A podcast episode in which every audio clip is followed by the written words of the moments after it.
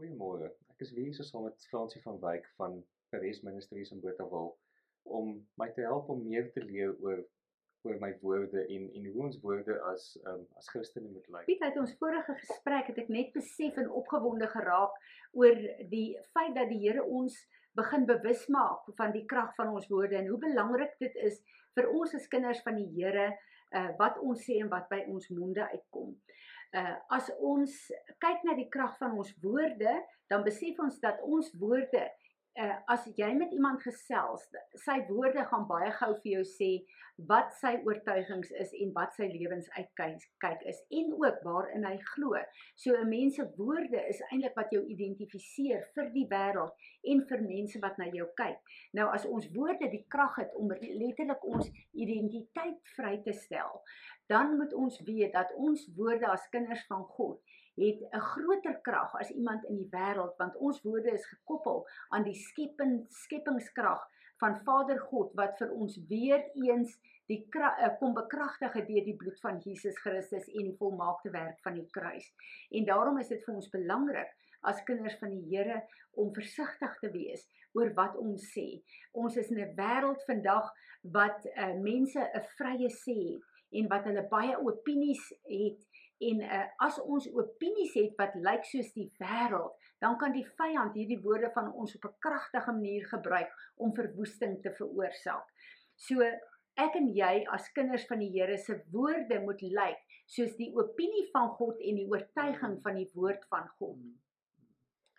Beteken dit dan op 'n praktiese vlak dat ek meen as ons met baie vleis vuur staan wat ons Afrikaners baie lief is om voor te doen, hoe gesels ons dan oor die land? Hoe gesels ons dan oor slegte situasies? Hoe gesels ons oor ons bure, oor mense waarvan ons nie hou nie? Hoe gesels ons oor goeie situasies? Piet, dis so hartseer saak as 'n mens hoor hoe mense in groepe baie keer mekaar kan opsweep in opinies wat verkeerd is en mekaar kan beïnvloed deur verkeerde woorde. As ek en jy kyk na wat is God se opinie oor Suid-Afrika? Wat is God se opinie oor uh my en oor my gesin? Dan is dit die fondasie van waar af ek moet praat, die oortuiging van waar af my woorde moet kom. Die oomblik as ek op 'n plek staan en ek luister na verkeerde woorde van mense en ek laat toe dat dit my beïnvloed, dan gaan my opinie verander en my verwyder van die woord van God. As ons kyk na hoe kry ek en jy geloof, dan kyk ons dat die woord sê dat geloof kom deur die gehoor van die woord van God. So ek en jy, ons geloofsvlak word bepaal deur ons kennis en ons oortuiging van die woord van God.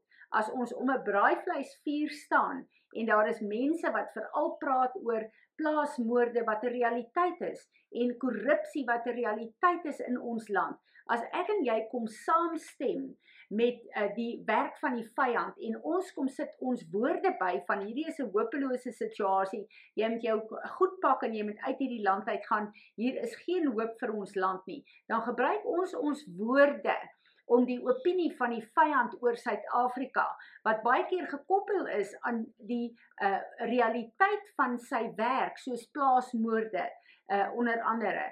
Dan kom ons en ons plaas ons woorde daar en ons versterk hierdie opinies wat nie God se opinie van Suid-Afrika is nie. En ek en jy moet vanuit die plek waar Jesus het gesterf ook vir Suid-Afrika en wat is geskryf in die bloed van Jesus en die oorwinning van Jesus vir Suid-Afrika.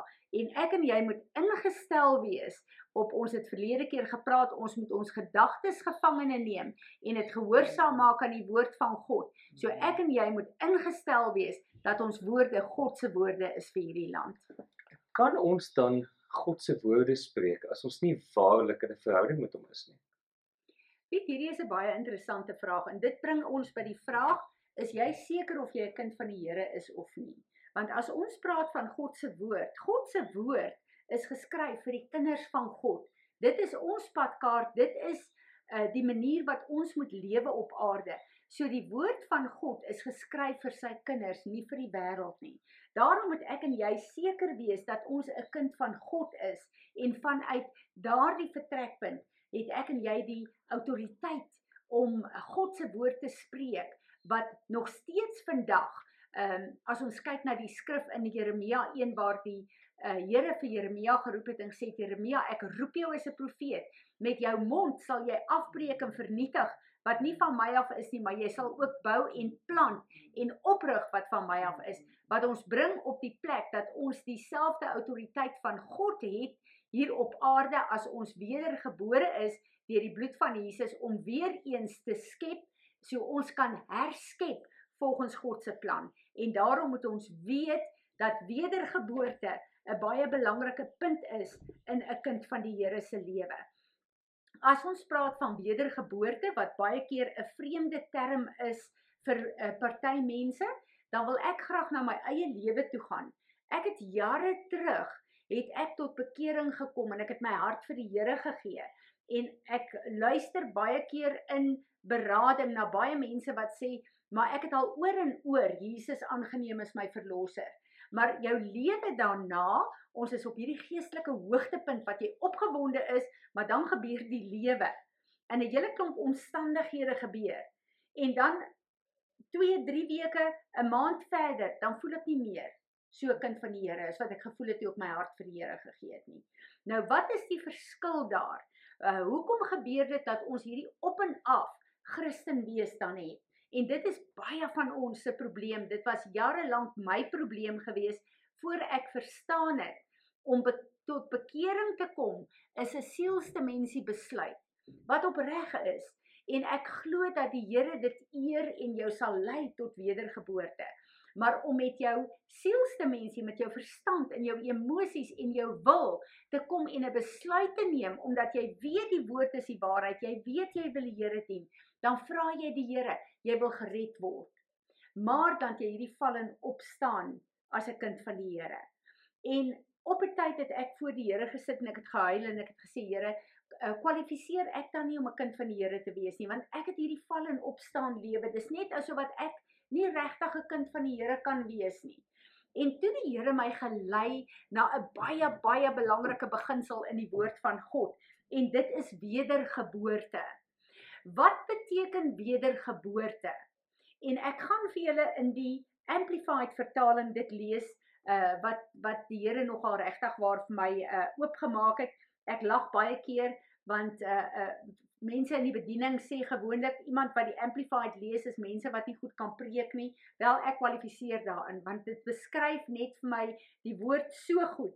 En ek wil vir julle uh Johannes 3 uh lees. Hierdie is 'n plek waar Nikodemus na Jesus toe gekom het. Uh Nikodemus wat 'n leier was uh in die Sanhedrin destyds. Hy was 'n geleerde, hy was 'n fariseer gewees. Dit wil sê in vandag se terme was hy in die sinode gewees. Hy was 'n man wat geleerd was, wat 'n uh, autoriteit gedra het onder die Jode. Maar ons moet weet destyds was Jesus wat opgestaan het in hulle oë 'n sekte gewees. So hulle mag nie na Jesus geluister het nie, want in daardie 'n uh, tyd uh, is hulle dan nou letterlik uh, doodgegooi gestenig met klippe. So hy mag glad nie om om uh, kom vereenseldig het met Jesus nie en daarom het hy in die aand gekom na Jesus toe omdat hy gesien en erken het wat Jesus doen is 'n krag van God. Dis nie mense wat dit kan doen nie. Kom ons luister wat sê Nikodemus. There was a man of the Pharisees named Nicodemus, a ruler of the Jews. This man came by uh, to Jesus by night and said to him, Rabbi, we know what that you are a teacher that come from God. For no one can do these signs that you do unless God is with him. Jesus answered him and said, Most assuredly I say to you, unless one is born again, he cannot see the kingdom of God. Nicodemus said to him, How can a man be born when he is old? Can he enter a second time into the womb of his mother to be born? Jesus answered, Most assuredly I say to you, unless one is born of water and of the Spirit, he cannot enter the kingdom of God. That which is born of the flesh is flesh, and that which is born of the Spirit is spirit. Do not marvel when I say to you, You must be born again. The wind blows where it wishes, and you hear the sound of it, but cannot tell where it comes from and where it goes, so is everyone who is born by the Spirit of God. Nou kom Nikodemus en hy vra vir Jesus: "U sê die enigste manier wat ek in die koninkryk van God kan inkom, is om weergebore te word. Maar ek, Nikodemus, kan tog nie weer in my ma se baarmoeder gaan inklim en weergebore word nie." En dan kom Jesus en sê: "Nikodemus, hierdie is nie 'n fisiese geboorte nie. Waar jy hier sit, is jy fisies gebore deur 'n eierselletjie en 'n sperm van jou pa en jou ma wat bymekaar gekom het, bevrug het en jou voortgebring het. So jy is nie fisiese gebore, maar daar is 'n geestelike geboorte. En ons moet onthou as ons fisies op aarde gebore word, dan sê die woord van God vir ons, ons word in sonde ontvang en gebore. Wat beteken dit? Dit beteken na die sondeval met Adam en Eva in die tuin van Eden, het hulle die hele heerskappy van die wêreldse stelsel oorgegee aan die duiwel. So ons as mense het dit wat God vir ons gegee het, weggegee vir die vyand.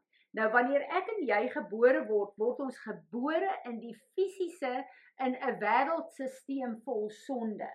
So ek en jy moet dan groot word hier op aarde tot op die punt waar ons kan verstaan dat Jesus die tweede Adam op Golgotha vir my en jou gesterf het sodat as ek en jy hom aanneem kan ons wedergebore word. Dit wil sê ons gees kan weer begin lewe saam met die gees van God.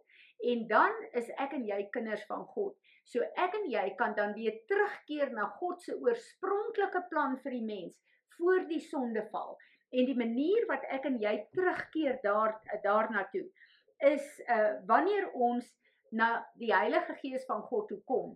En as ons vir Jesus sê Here Jesus ons verstaan dat U op Golgotha die prys betaal het vir my sonde om my weer terug te kry in U oorspronklike plan.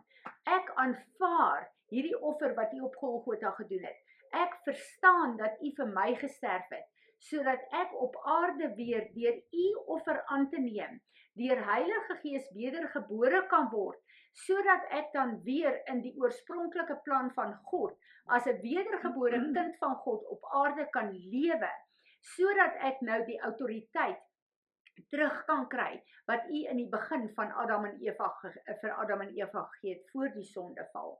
En dis vir my so interessant Piet dat die Here kom en hy kom vergelyk dit en hy sê as ek en jy nou buite by die deur uitkom dan sien ons eh, kyk dan sien ons daar's 'n briesie in die bome en die blare 'n uh, eh, 'n uh, waai. Maar ek kan nie vir jou as ek vir jou vra Piet waar kom daai wind vandaan? Dan kan jy nie vir my sê nie. Maar ons weet daar is 'n wind ons sien en ons voel dit.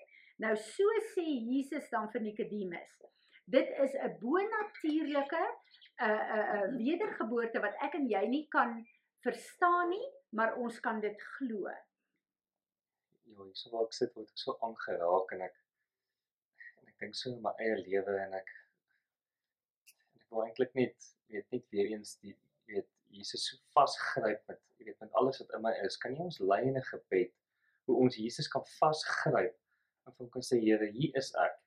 Ek is bereid om hierdie pad saam met U te loop. Wat dit ook al mag wees, wat dit ons ook al gaan kos en leer ons in hierdie pad vorentoe.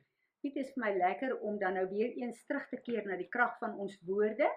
As ons kyk na Romeine uh 10 uh vers um uh wat ek net kom daarby.